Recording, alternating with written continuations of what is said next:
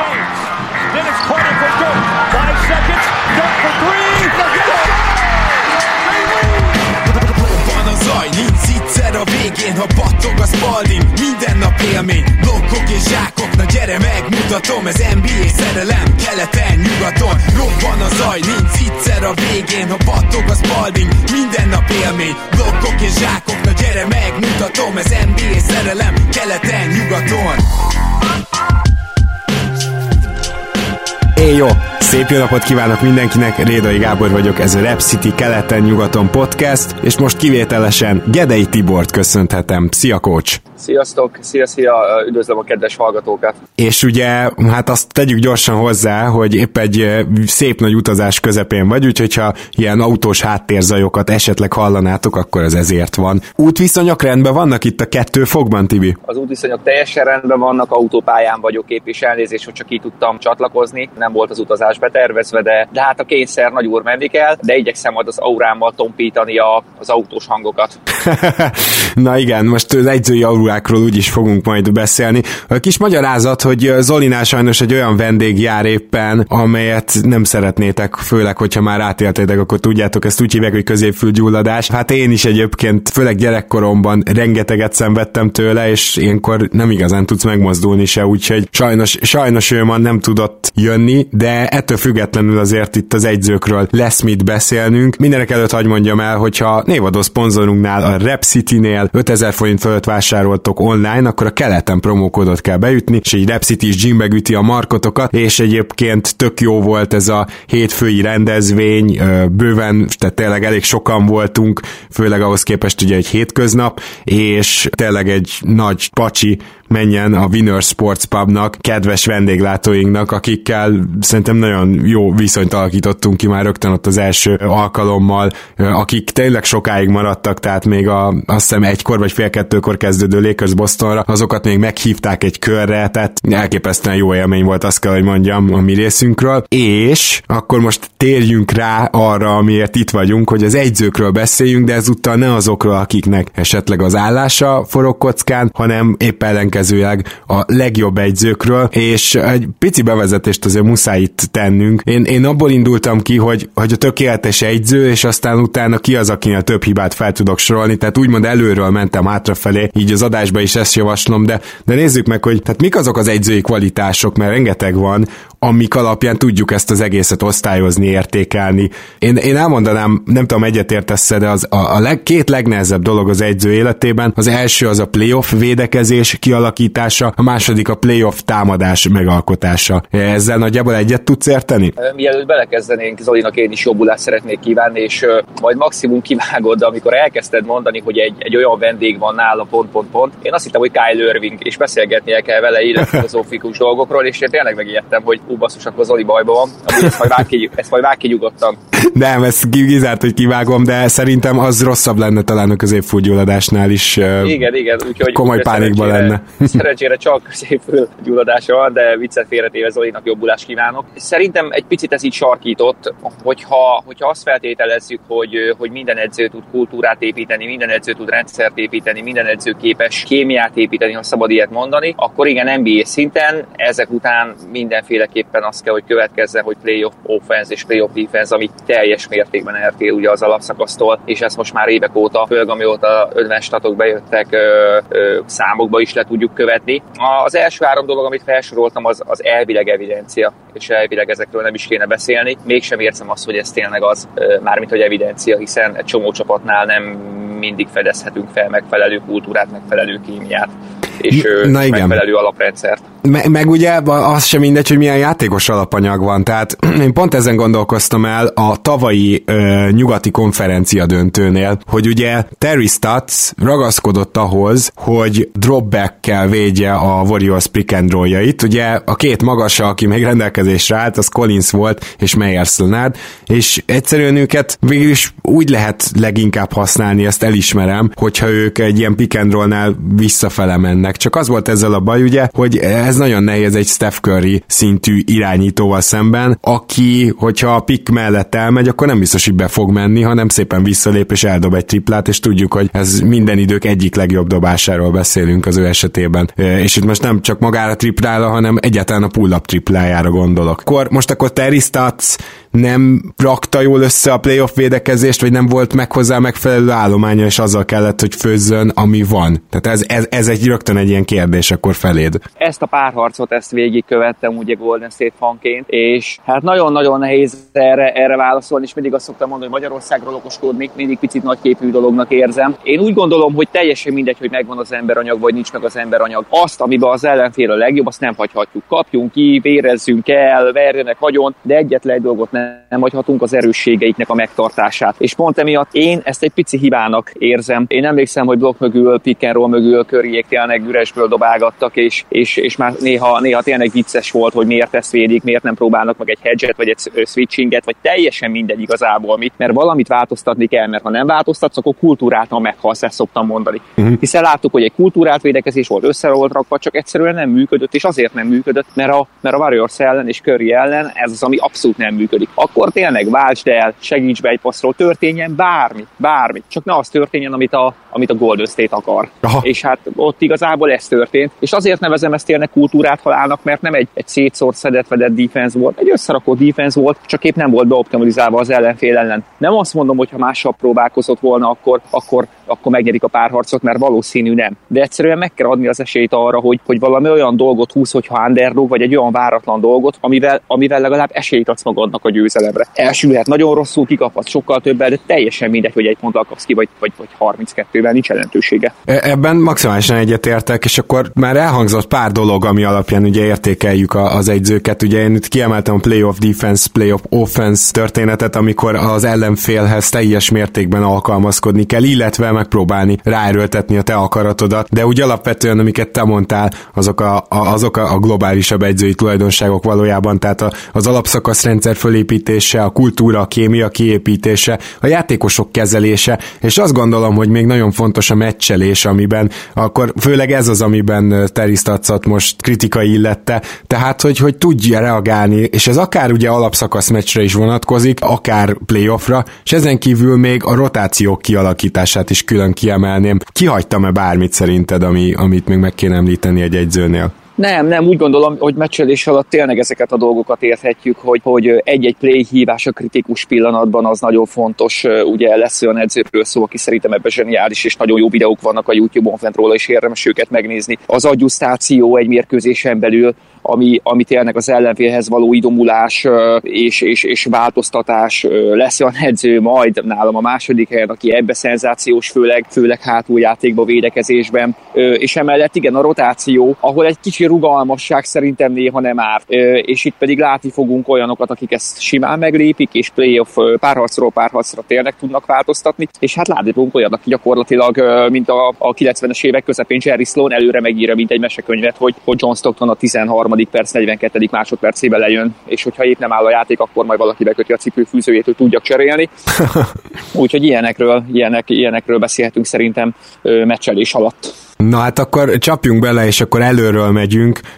Azt hiszem én fogom mondani a páratlanokat, a párosokat, aztán majd kiderül, hogy mekkora a különbség nálunk, de most jelen pillanatban azt gondolom, hogy Erik Spolstra már a legjobb egyző a ligában. Nyilván itt, itt fel lehet kapni a fejünket, hogy hol van Popovics, de elárulom, hogy nálam nem a második és nem a harmadik helyen lesz. Tehát van mostani állapotot szeretném tükrözni, ebben pedig Erik Spolstra az, akibe egyrészt nem tudok belekötni, tehát nincs olyan aspektus a felsoroltakból, ami szerint ő gyenge vagy gyengesége lenne, másrészt pedig olyan őrülten fölülteljesítő kereteket tud az elmúlt években is magáénak, csak szépen csöndben, mert ugye azok még ennyire se voltak jó keretek, és most a Jimmy Butler megérkezett, illetve olyan újoncok, akikről nem is igazán gondoltuk, hogy első évükben jók lehetnek, meg Kedrick Nant ugye hát nem is nagyon tudtuk, hogy ő létezik, tehát hogy i- ilyenekből a kezdőben ilyen csapatot kialakítani szinte csupa jó húzása volt, vagy, vagy mondjuk ki, hogy, hogy nem nagyon hibázott idén, és,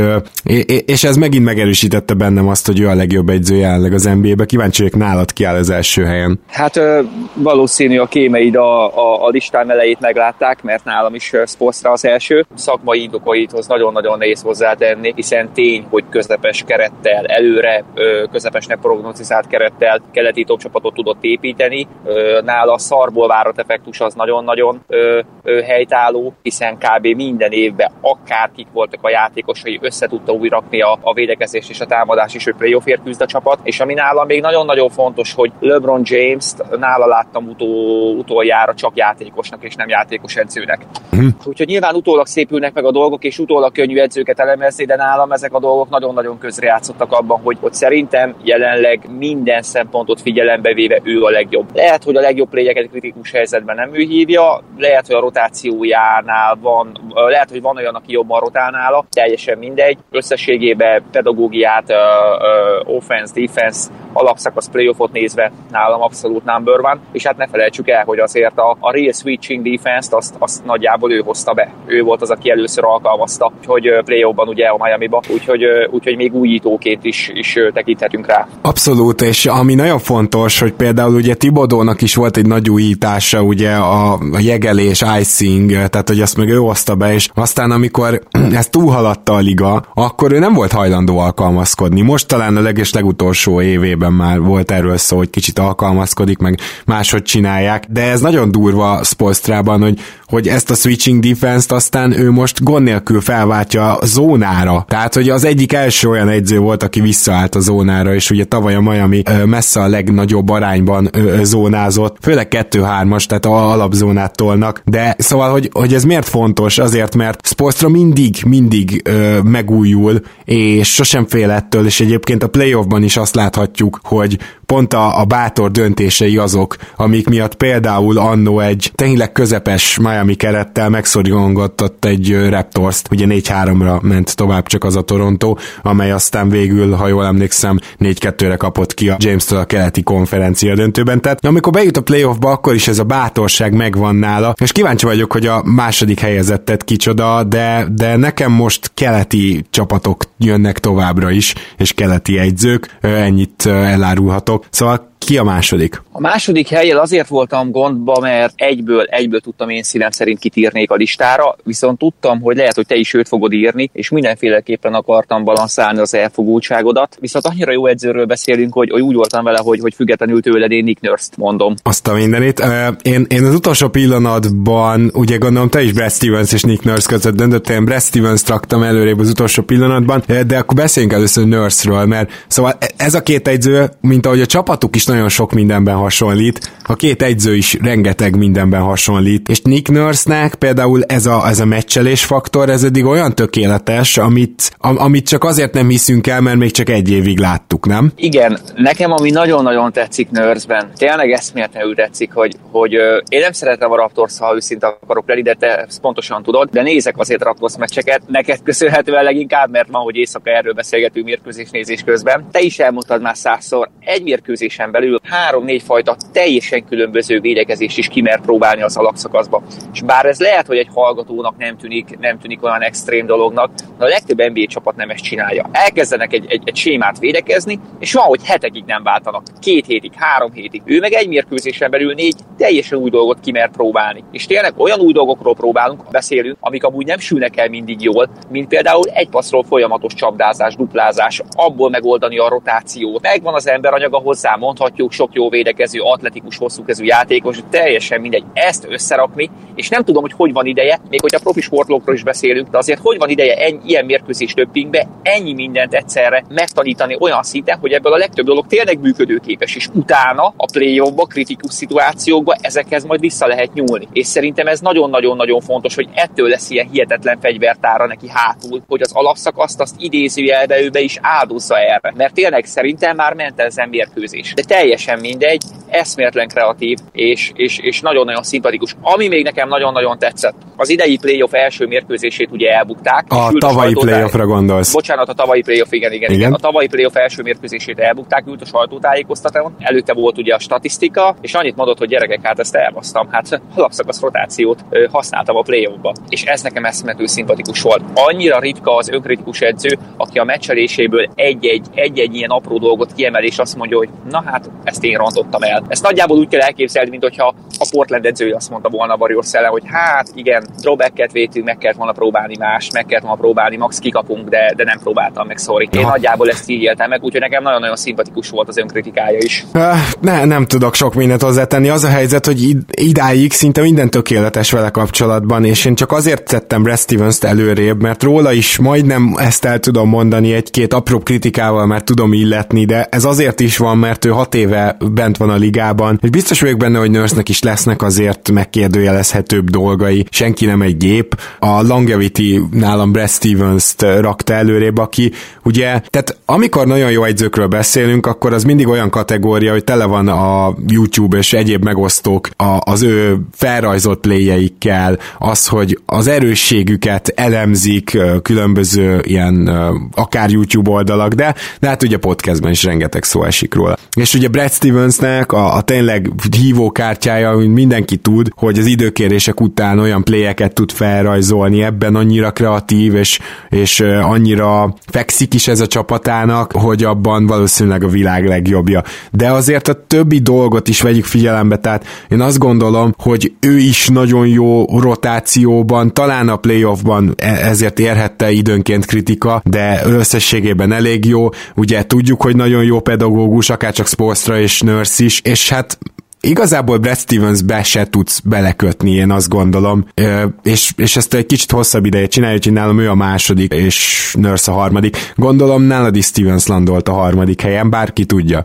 Igen, nálam Stevens lett a harmadik, nagyjából mindent elmondtál, amit, amit én is elmondhatnék. Amikor ugye arra célozgattam, hogy van olyan edző, aki a kritikus pillanatokban való pléjek felrajzolásában extra én rágondoltam, és nagyon-nagyon szeretem ezeket a YouTube videókat én is elemezni, és nézegetni, és esetleg egy-egy plét eltenni magamnak, bár szerintem ezek nagyon nehezen kivitelezhetőek, nagyon nehézen rögtönözhetőek. Én nem tudom ezt hogy csinálja, baromi kíváncsi lennék rá, hogy, hogy ezek tényleg ott a fejéből pattannak, és annyira átlátja a játékot, annyira átlátja az ellenfélnek a védekezését, hogy real time ki tud találni olyan olyan dolgokat, olyan, olyan pléjeket, amik egy működnek, kettő, az adott hátralévő időhöz vannak igazítva. És nála tényleg azt érdemes megnézni, hogy a két másodperc van vissza, akkor arra rajzoltál valami eszméletlen, ha meg, ha meg hét, akkor meg arra. Teljesen más. Mm-hmm. Kb. kifogyhatatlan az ötletekből. Én nekem ez nagyon-nagyon tetszik. Nagyon-nagyon tetszik. A másik, ami nálam szimpatikus, hogy, hogy nyilván van neki egy olyan megjelenése, hogy, hogy kb. fiatalabbnak néz ki, mint a játékosai nagy része, és ennek ellenére egy, egy olyan szintű, nem tudom, tiszteletövezi, amikor a mérkőzéseit néz nézem, az időkéréseit nézem,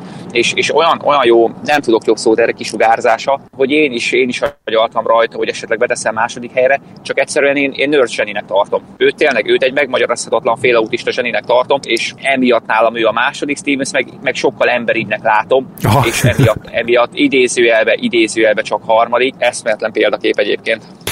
Hát a felsorolt három egyzővel kapcsolatban azt tudnám elmondani, hogy ők amellett, hogy nem nagyon tudunk belé kötni, elképesztően bátran alkalmaznak dolgokat, és, és tényleg innovatívak, és van nekem a negyedik helyen egy olyan egyző, akivel szintén nem annyira tudok belekötni, de ez a bátorság és innováció ez nem annyira jellemzi, és ezért lett negyedik. És nagyon kíváncsi vagyok arra, hogy neked is vajon ő lesz a negyedik helyezetted, de minden további pofázás nélkül megkérdezem, hogy, hogy ki, ki lett a negyedik nálad. Amikor Nurse-nél viccelődtem a, a elfogultságoddal kapcsolatban, akkor, akkor, akkor mondani akartam, hogy én is elfogult leszek egy edzővel kapcsolatban. Nekem ő az abszolút kedvenc edzőm. Nem őt tartom a legjobb rendszerépítőnek, viszont, viszont a longevitét, a megújulást, a, a, a kisugárzást, gyakorlatilag mindent egybevéve, nálam ő, nálam ő nem volt kérdés, hogy jelenleg az NBA negyedik legjobb edzője, és ő, ő Rick Carlisle. Bingo, Rick Carlisle nálam is. Szóval valahogy úgy érzem, hogy Rick Carlisle-ba se tudok igazán egyik szempont szerint sem belekötni. Az egyetlen, amiben viszont mégiscsak, az az, ahogy a fiatalokat használja, hogy a rotációi még mind a mai napig egy kicsit van az az angol szó, hogy rigid, ugye ilyen ridegnek is mondhatjuk, vagy,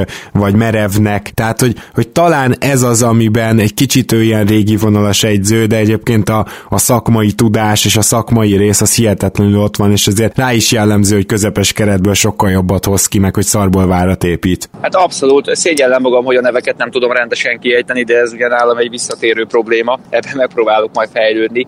Amit én nagyon szeretek benne, és nem csak az idei évről beszélünk, az idei évről is beszéltünk, hiszen a, a rendszerei folyamatosan megújulnak. Folyamatosan non-stop. A másik, hogy azért ő egy picit mindig megelőzi a korát. Én úgy gondolom. Nem nagyon akarok visszamenni a múltba, de hát ugye muszáj, hiszen muszáj egy kicsit a longevity is vizsgálni. Hogyha a bajnok csapatra visszanézik a bajnok csapatot, akkor látjuk, hogy az a keret az öt év múlva is egy modern kosárlabdát játszani képes keret lett volna. Egy rim protektorral, extra shooterekkel, egy olyan játékossal, aki hatalmas gravitációjával ö, ö, helyzetet tud teremteni másoknak, és mellette nagyon jó pick and pop játékos. Szóval gyakorlatilag ő már 2011-ben is használta a zóna védekezést, akkoriban szinte egyedüliként nagyon-nagyon-nagyon jól. Most, hogy ezt a kényszer szülte, mert hogy volt egy novó, akit így lehet eldugni, ez teljesen mindegy, az indiferens. De olyan húzásai vannak, amik öt év múlva lesznek teljesen standard regulár húzások, és hát ugye ha megnézzük, hogy, hogy idén meg aztán tényleg átalakította a, a, a rendszert, és minden Doncsics köré épített, és uh, ahogy a múltkor az adásban fogalmaztatok, naprendszer kosárlabdát játszanak, ez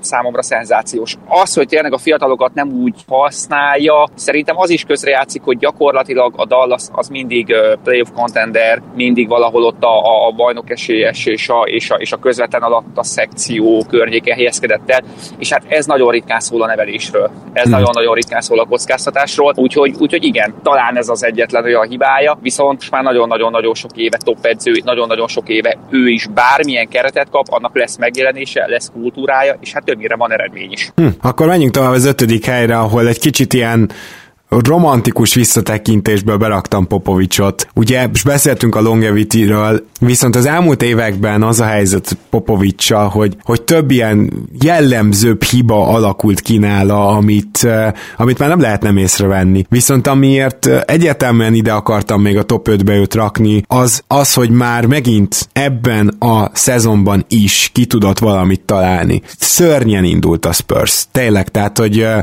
minden, amit kritikál magának felhoztál arról a kelet, keretről, az így megvalósult. És ehhez aztán rájött, hogy na jó, oké, mert nem lehet mit csinálni, most akkor Aldridge elkezd triplákat dobálni, DeRozan meg lesz a ballhandler, mert most már nem fogom tovább nézni, hogy Murray meg White próbálkozik, és, és működik, és a Spurs talán a legnagyobb esélyes a most a nyugati nyolcadik helynek. Nyilván ott a Memphis, és lehet, hogy még beszélünk is róluk, de, de, de, de már megint kitalált valamit az ember, és már megint megint egy kicsit tudott változtatni. A, a megújulás mestere, akinél azért szerintem mondjuk el, hogy a playoffban azért az elmúlt öt évben rengeteg megkérdőjelezhető döntése volt. A meccselése az egyértelműen visszaesett, és nincs ott a másik négy szintjén. Ezért nálam ötödik Popovics. Kíváncsi vagyok, hogy nálad is ötödik, vagy, vagy még lejjebb csúszott. Nálam egy picit lentebb csúszott, nálam az ötödik az Queen Snyder. A védekezését ecsetelhetnénk, hogy a, hogy a Utah milyen védekezést, a Utahban milyen védekezést rak össze, és mondhatnánk, hogy, hogy mondjuk Gober mellett talán ez nem is nehéz, de ez egyáltalán nem igaz. Sőt, valószínű az, hogy Gober ennyire jó védő, ez neki is köszönhető. Uh-huh. Hiszen ugye ez nem úgy működik, hogy valakinek jók az adottságai, és akkor jó védő lesz, hanem nyilván van egy edző, aki beteszi a rendszerbe, ő finomítja a rendszeren belül a szerepét, és megtanítja. Úgyhogy szerintem ezt nem nagyon lehet tőle elmenni. A másik, ami nagyon tetszik, hogy, hogy amikor a Utah támadó játékát látom, akkor én mindig azt érzem, hogy annyira szépen be van az egész súlyozva, és a, és a hierarchia annyira szépen fel van építve, és annyira logikus, hogy, hogy ezt se lehet tőle elmenni. Úgyhogy, úgyhogy longevity nézve Popovicsot én is lehet, hogy az ötödik hely környékére tettem volna, egyébként nem sokkal esett le, de hogyha tényleg azt nézem, hogy jelenleg én kit választanék, ha edzőt kéne választanom az NBA csapatomnak ötödik helyen, akkor nálam most, most ő lenne, Snyder lenne. Uh-huh. Uh, nem sokat tudok vitatkozni, de nálam meg Snyder van egy kicsit hátrébb, majd meg is indoklom akkor, amikor elérünk oda, viszont azért azt gyorsan szögezzük le, hogy minden idők legjobb, vala le, volt legjobb kosárlabda egyzője, az valószínűleg Greg Popovics, nem? nem? Hát ha minden idők legjobb edzőjét kéne mondani, akkor igen, akkor ezt Popovistól nem tudjuk elvenni. Szerintem sem. Elvenni. Hát nyilván azért Úgy, Phil Jackson-t fel lehet itt hozni, csak Phil Jackson Tex Winternek a rendszerével dolgozott végig 20 évet, ezzel nem kisebbítem az érdemeit, csak azt mondom, hogy, hogy ő is elképesztően eredményes, kiváló egyző, aki a megújulásnak a, a szikráját sem nagyon mutatta, és gyakorlatilag amíg az a korszak, illetve annak a korszaknak az utóhatásai éltek, addig, addig tudott sikeres egyző lenni. Igen, ő egy, egy rendszert játszatott végig, ez extra sikeresen, és hát nála tényleg a megújulás hiányzott, ami főleg az utolsó pár évében látszott, hogy sajnos egy picit komikus is volt már a, a, a, edzői pályafutásának a vége, de szerintem ez, ez, ez, ez nem probléma. Popovics azért sokkal-sokkal tovább, és sokkal-sokkal több rendszer, többfajta rendszer tudott felépíteni. Nem tudom, lelőjem -e, hogy nálam ő hanyadik helyre került. Úgy is meglátjuk. A hatodik helyet úgy is neked kell mondanod. Nálam hatodik Mike Budenholzer. Az indoklás a következő. Az, hogy alapszakaszban mit rak össze, az szerintem megkérdőjelezhetetlen. Amit az Atlantával művelt, és amit most a Milwaukee-val is művel, az szenzációs. Az tényleg szenzációs. Egy hihetetlenül logikus kosárlabdát játszó csapat, a védekezés az gyakorlatilag hibátlan. Ők ugye ő abban hisz, hogy a festéket kell védeni, és ezt nagyon-nagyon jól csinálja, feladnak néha olyan helyzeteket, olyan helyzeteket, amiket más edző nem ad fel, de ez nem probléma, hiszen valamit fel kell adni. Én azt az Atlantát egyszerűen imádtam, és tényleg egy, egy, egy, egy hihetetlen jó alapszakasz csapat volt. Nála ugye ami hiányzik, és amibe, amibe még bizonyítania kell, hogy, hogy esetleg fentebb kerüljön, az a playoff offense leginkább, szerintem, és hát idén lesz is rá alkalma, és nagyon-nagyon kíváncsi vagyok, hogy, hogy a világ legjobb játékosa jelenleg nála játszik, az alapszakasz talán legjobb játékosa, és hogy ebből a play mit tudunk átmenteni, hiszen tavalyi play láttuk, hogy azért már-már tudták egy picit Giannis korlátozni, és hát ott volt a világbajnokság, ami, ami számomra hihetetlenül nagy csalódás volt. Úgyhogy nála a fokmérő, a, a, a szintlépésre való lehetőség, az szerintem az idei playoff lesz. Aha, szinte minden egyetértek, amit mondtál, és nálam is hatodik, de megelőzi Snydert, és majd majd akkor kitérek uh, erre a hetedik helyen, mert nem hetedik Snyder.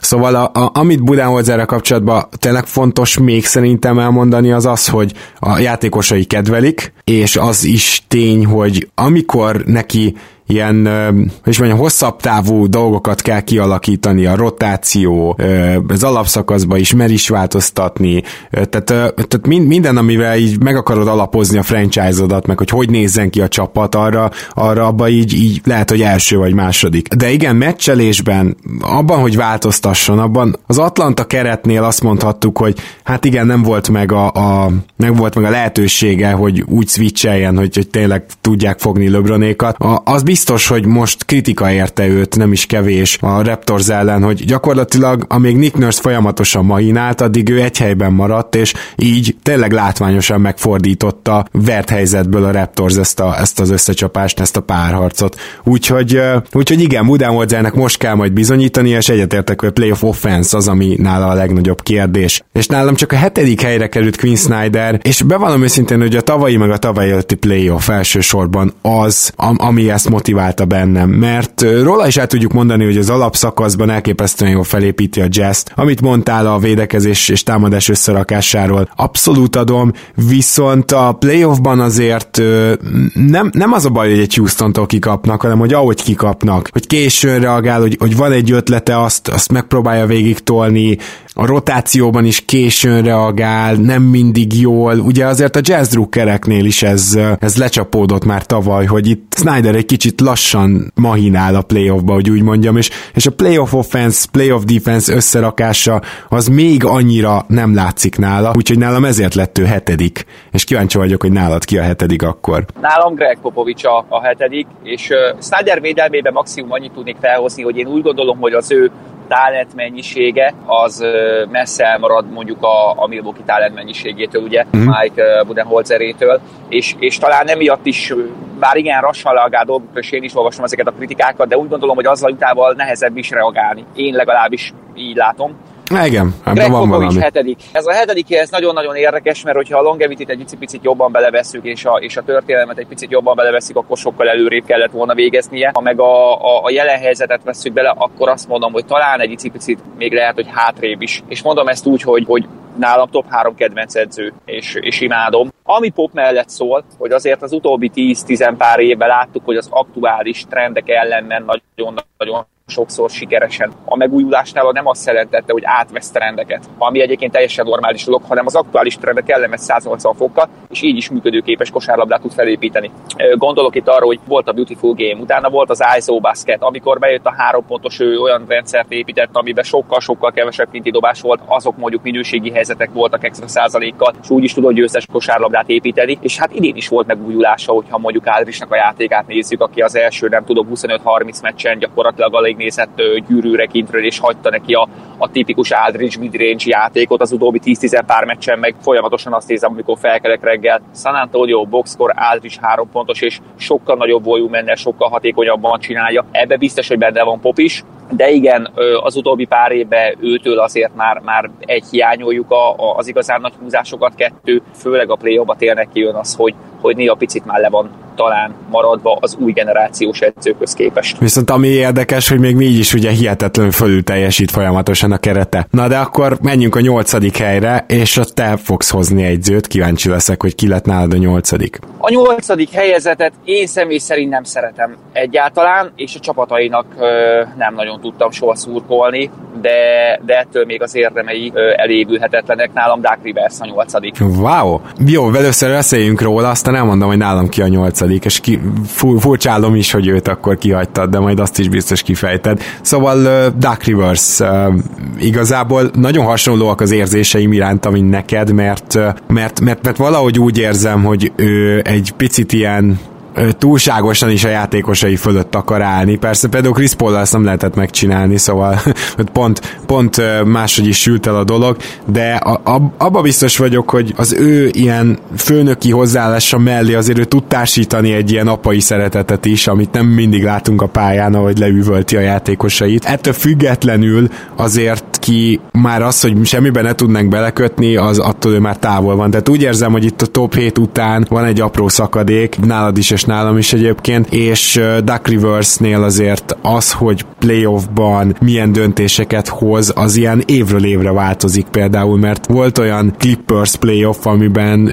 zseniálisan manőverezett, aztán volt olyan, ahol az egész csapat szurkolatából őt szitta, és ezen kívül ugye ő sem kezeli túl jól a fiatalokat, és amit még mindenképpen felhoznék, hogy én szerintem ő, ő sosem tudott a saját csapata potenciája fölötti védekezést összerakni. Nem tudom ezt, hogy látod, vagy, vagy, vagy gondolkoztál-e ezen? Igen gondolko- persze gondolkoztam. Szerintem, amikor, amikor Duck River szóba jön, akkor van ez, a, ez az eszméletlen arrogancia és, és elleszem, ami miatt a kritikanál szerintem egy picit teljesen jogosan felerősödik. Viszont a másik oldal pedig az, hogy őt egy kicsit pehes edzőnek is tartom, hiszen amikor tényleg jó keretei voltak, és amikor lehetett volna esetleg robbantani, és kis szerencsével van nála, ugye a Clippers időszakára gondolok, kulcsjátékosok estek ki, viszont ő még szarcsapatot nem épített fel soha. Neki még igazán bukó alapszakasz éve nem volt, és ott is a longevity nagyon-nagyon-nagyon közrejátszik, hiszen most már ő is 10 10x éve ö, folyamatos eredményeket hoz. Nagyon nehéz edzőket értékelni, abba teljesen egyetértek, hogy mondjuk az első négy után jön egy kisebb szakadék, ott van egy második vonal, és így kezdődik valahol a harmadik vonal. És hogy a harmadik vonalon belül hogy rangsoroljuk az edzőket, az, az, az már egy picit ö, szimpátia, picit ö, szubjektivitás kérdése is, és nagyon-nagyon kíváncsi vagyok, hogy nálad kijön, bár van egy tippem, hiszen van egy edző, akit én nem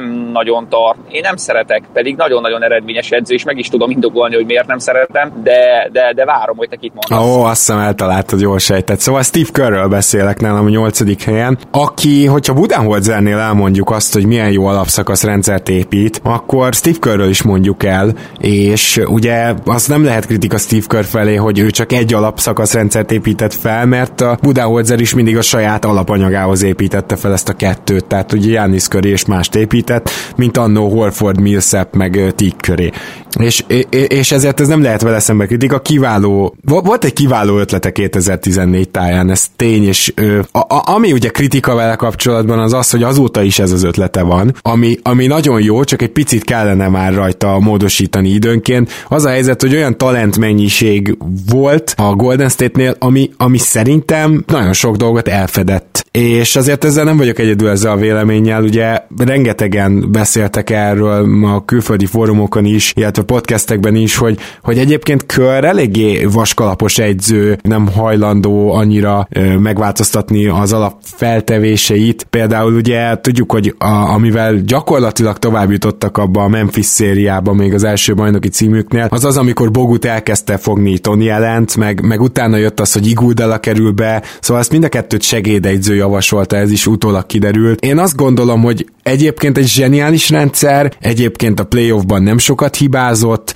de a vaskalapossága számomra az, és, és időnként a rotációi, ami, ami miatt nem tudom behelyezni őt magasabbra, mint a nyolcadik hely, és ezek szerint nálad még lejjebb van. Hát nálam lejjebb van. Nagyjából mindent elmondtál. Számomra az egyik, az egyik legnagyobb kérdő az a rotációja, ami a tavalyi döntőben csúcsosodott nálam ki. A, tudom, hogy rengeteg sérült volt, de olyan line tartott fent egy döntőbe, amik kimerem mondani egy alapszakaszba is button five NBA line. És értem én, hogy pihentetni kell játékosokat, nem szabad túltolni játékosokat, de amikor tudod, hogy az egész szezonból, ergo a playoffból öt meccs van hátra, négy meccs van hátra, ott már túltolásról nem igazán beszélhetünk. Ott már az, hogyha egy játékos három perccel többet játszik, az már nem számít a hosszú távba bele. Ott, ott egyszerűen kockáztatni kell, fent kell hagyni azt, aki meg tudja neked nyerni a mérkőzést, és, és, és meg kell nyerni a mérkőzést. Ennek nyomát se láttuk. Ha visszanézzük a tavalyi döntő mérkőzéseit, akkor tényleg az látszott, hogy előre megint rotációkkal dolgozott, szörnyű line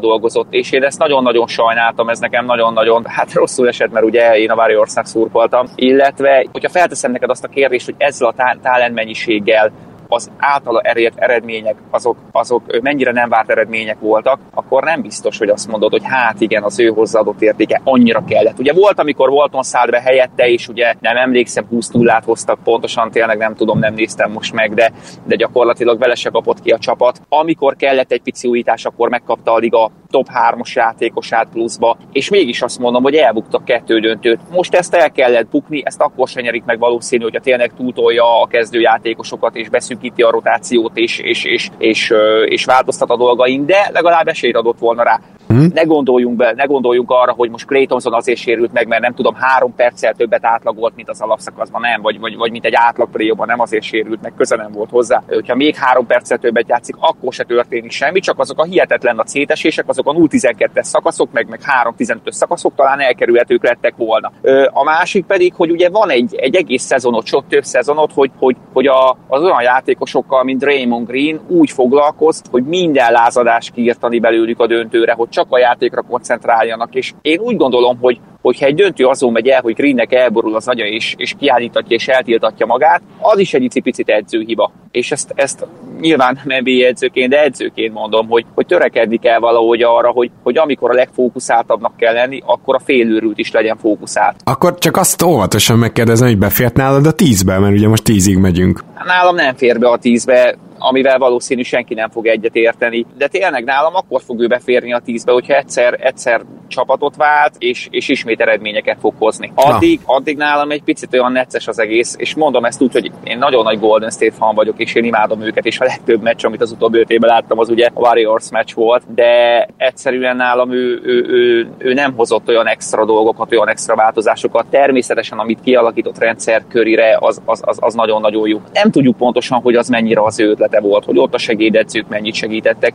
de főleg amikor ezeket a kis háttérinfókat elszórod, hogy a rotáció adjusztációt nem ő találja ki, hanem, hanem súgnak neki, hogy hahu, ott egy Tony ellen, aki nem tud dobni, hát zónázzon már a bogut róla, mindenhova segítgessen, aztán maxi kapunk úgy, hogy mindent bedob, akkor az még inkább megerősíti az bennem, hogy, hogy, hogy, hogy na ne, na ne. Aha.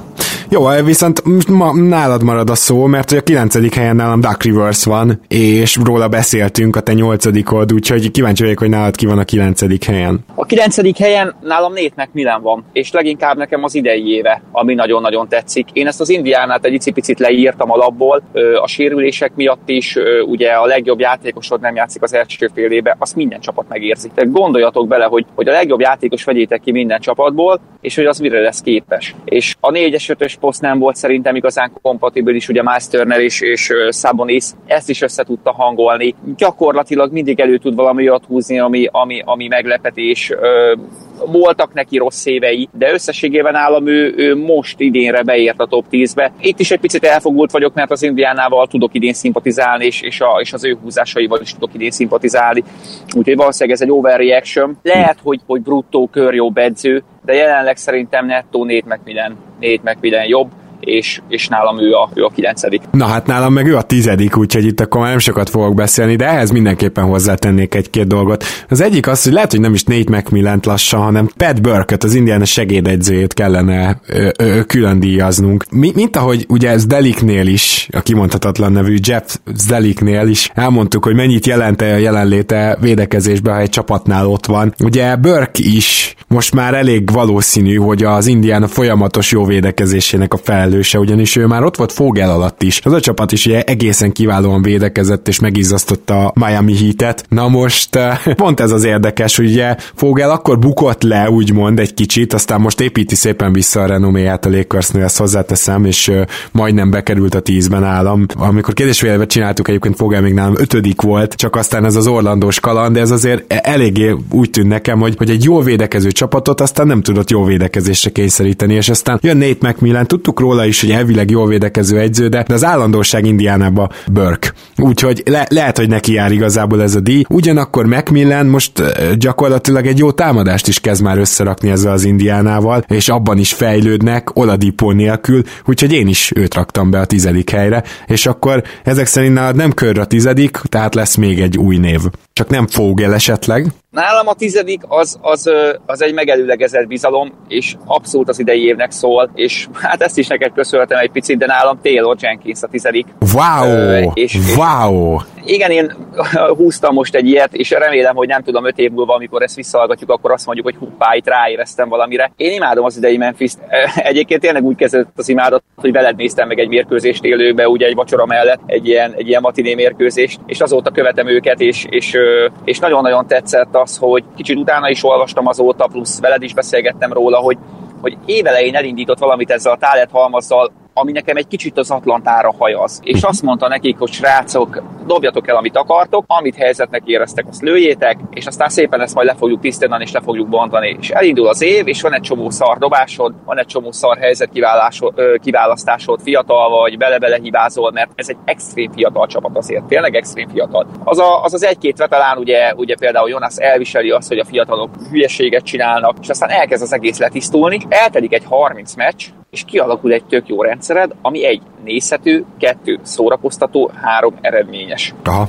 És hát azért leginkább ez a három dolog kell, mert hogyha ebből a háromból valamelyik nincs meg, akkor úgy húzhatjuk a szánkat, de hát a legtöbb nézőt nagyjából így lehet bevonzani, hogy valami legyen nézhető, valami legyen szórakoztató, és valami legyen valami eredményes. Én a Memphisnél most ezt látom. Nekem nagyon-nagyon tetszik. Nem tudom még pontosan, hogy ez minek köszönhető, nyilván éveknek kell eltenni, hogy, hogy, hogy, hogy, hogy tudjuk Jenkins-t értékelni jobban, de nálam a tizedik hely az tényleg egy ilyen, egy ilyen megelőlegezett, ő lehet a következő nagy edző, mm, úgyhogy, úgyhogy lehet, hogy meglepetés, de, de az én tízes listám az, az így néz ki. Hát ez egy abszolút meglepetés, és remélem, hogy bejön egyébként, hogy tudjátok, kedves hallgatók, én, hogy másodízben Memphis Drucker is vagyok, de akkor beszéljünk talán egy-két olyan hiányzó van, akit nem meg kell indokolni, miért nem került a tízbe, ugye én megindokoltam Fogelt, megindokoltad Kört, hogy nálad ő miért nincs. Mike Dantonin gondolkodtál mert én azért gondolkodtam rajta, hogy be kellene, hogy férjen. Hát nagyon. Már azért is, mert, mert ő azért tényleg egy, egy hihetetlen karakter, és azért kell is, hogy egy edző karakter legyen. Szerintem neki, amikor igazán nagy esélye lett volna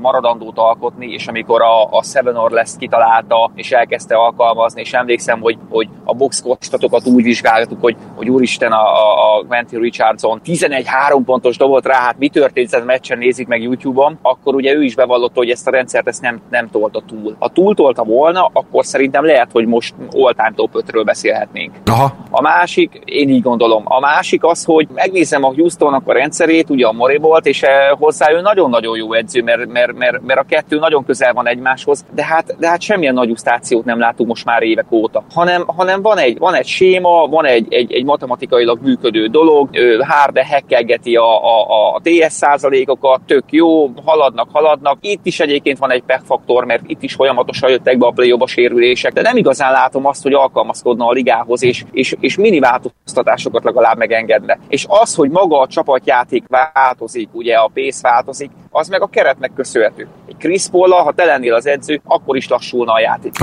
Westbrookkal meg gyorsulna. Aha. Ez nem azért van, mert hogy nem tudom, ő, azt mondta, hogy na akkor most gyorsabbak leszünk, hanem egyszerűen ez a játékosok közötti különbség, nem tudod magadat teljesen megöröszakolni, a keret az, az valamilyen szinten diktálni fogja a, a, a, az alapjátékodat, úgyhogy nálam ő, ő jelenleg már nincs top 10-be, ahhoz kérdés nem férhet, hogy ő egy nagyon-nagyon izgalmas edző, egy nagyon-nagyon érdekes karakter, és szerintem ő, ő tényleg amikor, amikor megalkotta ezt a, ezt a újdonságot Nessékkel, egy picit ha bátrabb, egy picit, ha nem is jobban hisz benne, hanem őrültebb, talán ez a legjobb szó, Aha. akkor most valószínű top 5-ként beszélnénk róla, és, és bajnok csapat edzőjeként. Jó, van-e nálad olyan edző, aki kicsit fájdalmas, hogy nincs itt, mert igazából én teljesen elégedett vagyok, még a te listáddal is, az enyémmel is, és nem fogom most csak az idei év miatt még Donovanra azt mondani, hogy, hogy itt lenne a helye, tehát csak hogy egy példát mondjak, viszont, viszont szerintem van kettő olyan ember, akiről azért legalább érintés szintjén kell még beszélnünk. Az egyik az, hogy miért nem merül fel Mike Melon a Denver edzője, amikor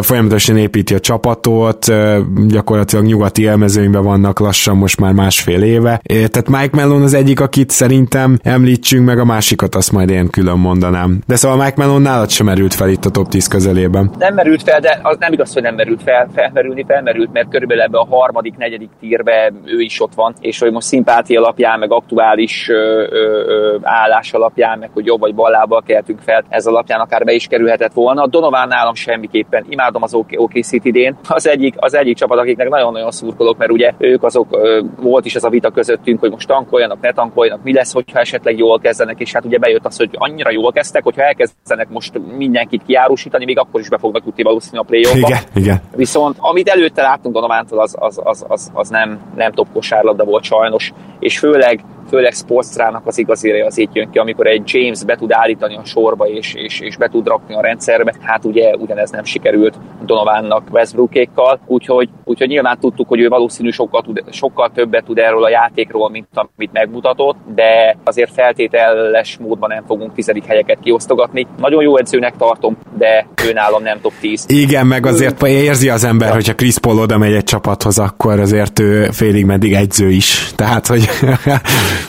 Ugye, ugye mondtad a Houstonnál is, hogy adott azért, hogy vele mit tudsz csinálni, hát most, most is erről van szó. Kenny Atkinson-t akartam még megemlíteni, tehát, hogy Kenny Atkinson szerintem a legnagyobb kapiket a, a ligában, ugye a legnagyobb másoló, folyamatosan szedi össze különböző helyekről, de aztán saját rendszert épít belőle. Viszont, viszont abban is biztos vagyok, hogy Kenny Atkinsonnak például a, a tavalyi playoff az tényleg egy meccsig tartott, és, és abban is biztos vagyok, hogy, hogy egy olyan alapszakaszrendszert épít ki, amiben tényleg tudnak az egyéni képességekre, egyegyezésre építő játékosai csillogni, de igazán jó csapatvédekezést és igazán jó csapatkosárlabdát én még nem láttam a Netstől. Elképzelhető, hogy ez azért van, mert egyszerűen nem ilyen a keret. Picit a fiatalok fejlesztésével is vannak gondjaim, de, de, de azért nekem mindenképpen felmerült. Tehát itt ezen a környéken van Kenny Atkinson, és, és talán egy-két év, talán megnézzük, hogy össze tudja egy úrni az Irving Durant duót, akkor, akkor azért más véleményen lehetek, leszek. Abszolút egyetértek, ő is az, aki, akinek jövőre lesz igazából lehetősége majd, majd bebizonyítani, hogy ő, ő tényleg jó, és nem lesz könnyű dolga, mert, mert Irving és Durantel nagyon nehéz lesz szerintem olyan, olyan játékot építeni, amiben, amiben egy edző szerepe tényleg nagyon-nagyon nagy,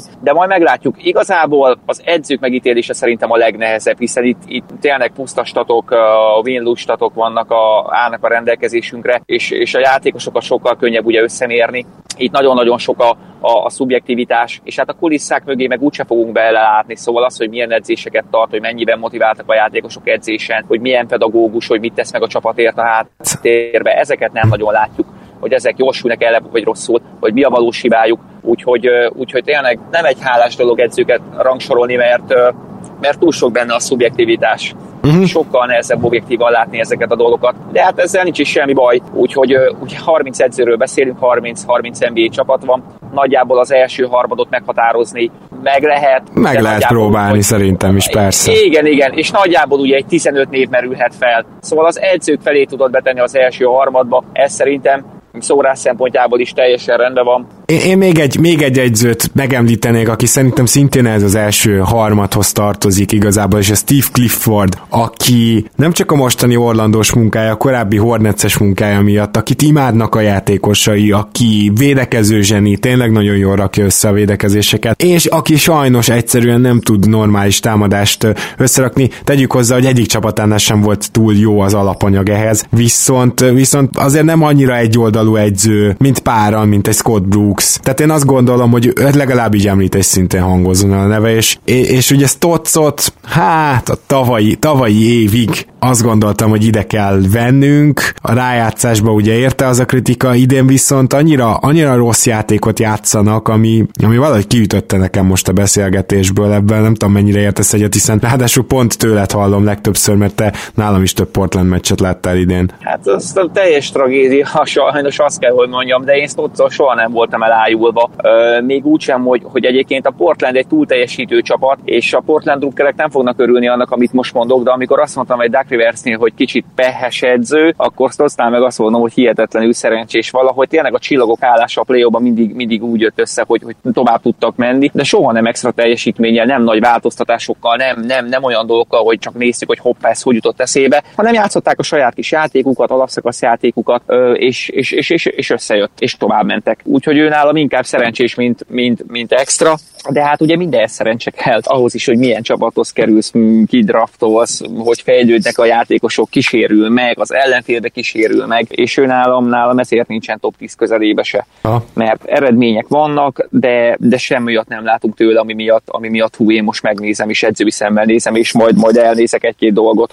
Én azt hiszem, hogy végigmentünk a, a, tényleg a, az említésre méltó kategóriáján is, a top 10 is, igazából a Jenkins az egy nagyon bátor cucc, nagyon tetszett, és Tibi, nagyon szépen köszönöm, hogy itt voltál ma, így útközben is a Keleten-nyugaton podcastben. Köszönöm szépen a meghívást, én nagyon-nagyon élveztem ezt az adást, még úgy is, hogy tartottam tőle, mert ez szerintem egy nagyon-nagyon nehéz téma kettő, amikor megtudtam, hogy én kocsiba leszek és utazni kell, akkor tudtam, hogy azért ez egy, ez egy emberpróbáló feladat lesz, és hát a hallgatók nem tudják, mert, mert gyönyörűen megvágod, de nagyon sokszor újra kellett venni, mert pont egy kamion előzött, pont háta mögött dudáltak, pont meg kellett állni, mert, mert, mert autópályamatricát kellett venni. Úgyhogy köszönöm szépen a te és, és az, hogy ennyi háttérmunkát beleteszel, hogy ez az egész anyag leadható legyen. Remélem hozzá tudtam azért én is valamit tenni, és hát ugye a legsarkalatosabb dolog az a körmegítélés, amiről idestől fél éve beszélünk, de hát én vállalom, hogy én őt egyszerűen nem tudom top 10-be tenni, és, és szerintem, hogyha a, a, ebből a top 10-ből bárki került volna oda a Golden State élére, akkor, akkor minimum ez az eredménysor lejött volna, hanem egy icipicivel több. Pedig játékosként szerettem, amúgy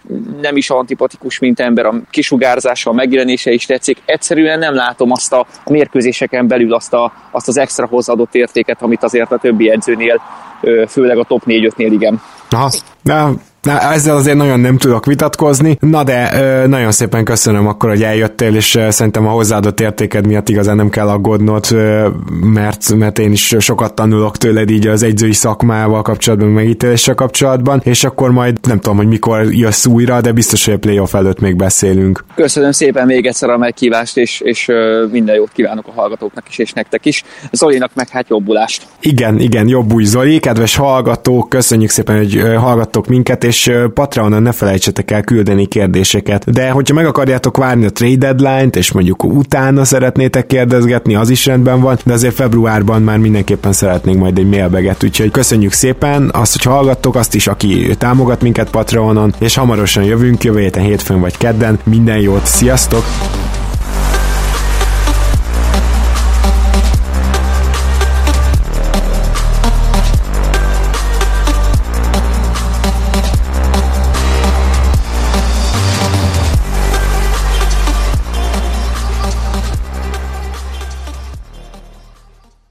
Ha más podcastekre is kíváncsi vagy, hallgassd meg a Béton műsor ajánlóját.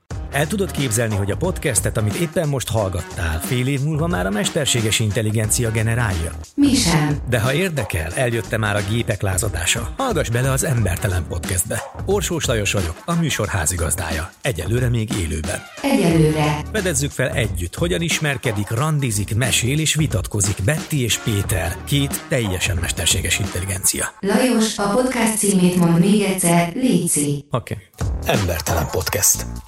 Ez a műsor a Béton közösség tagja.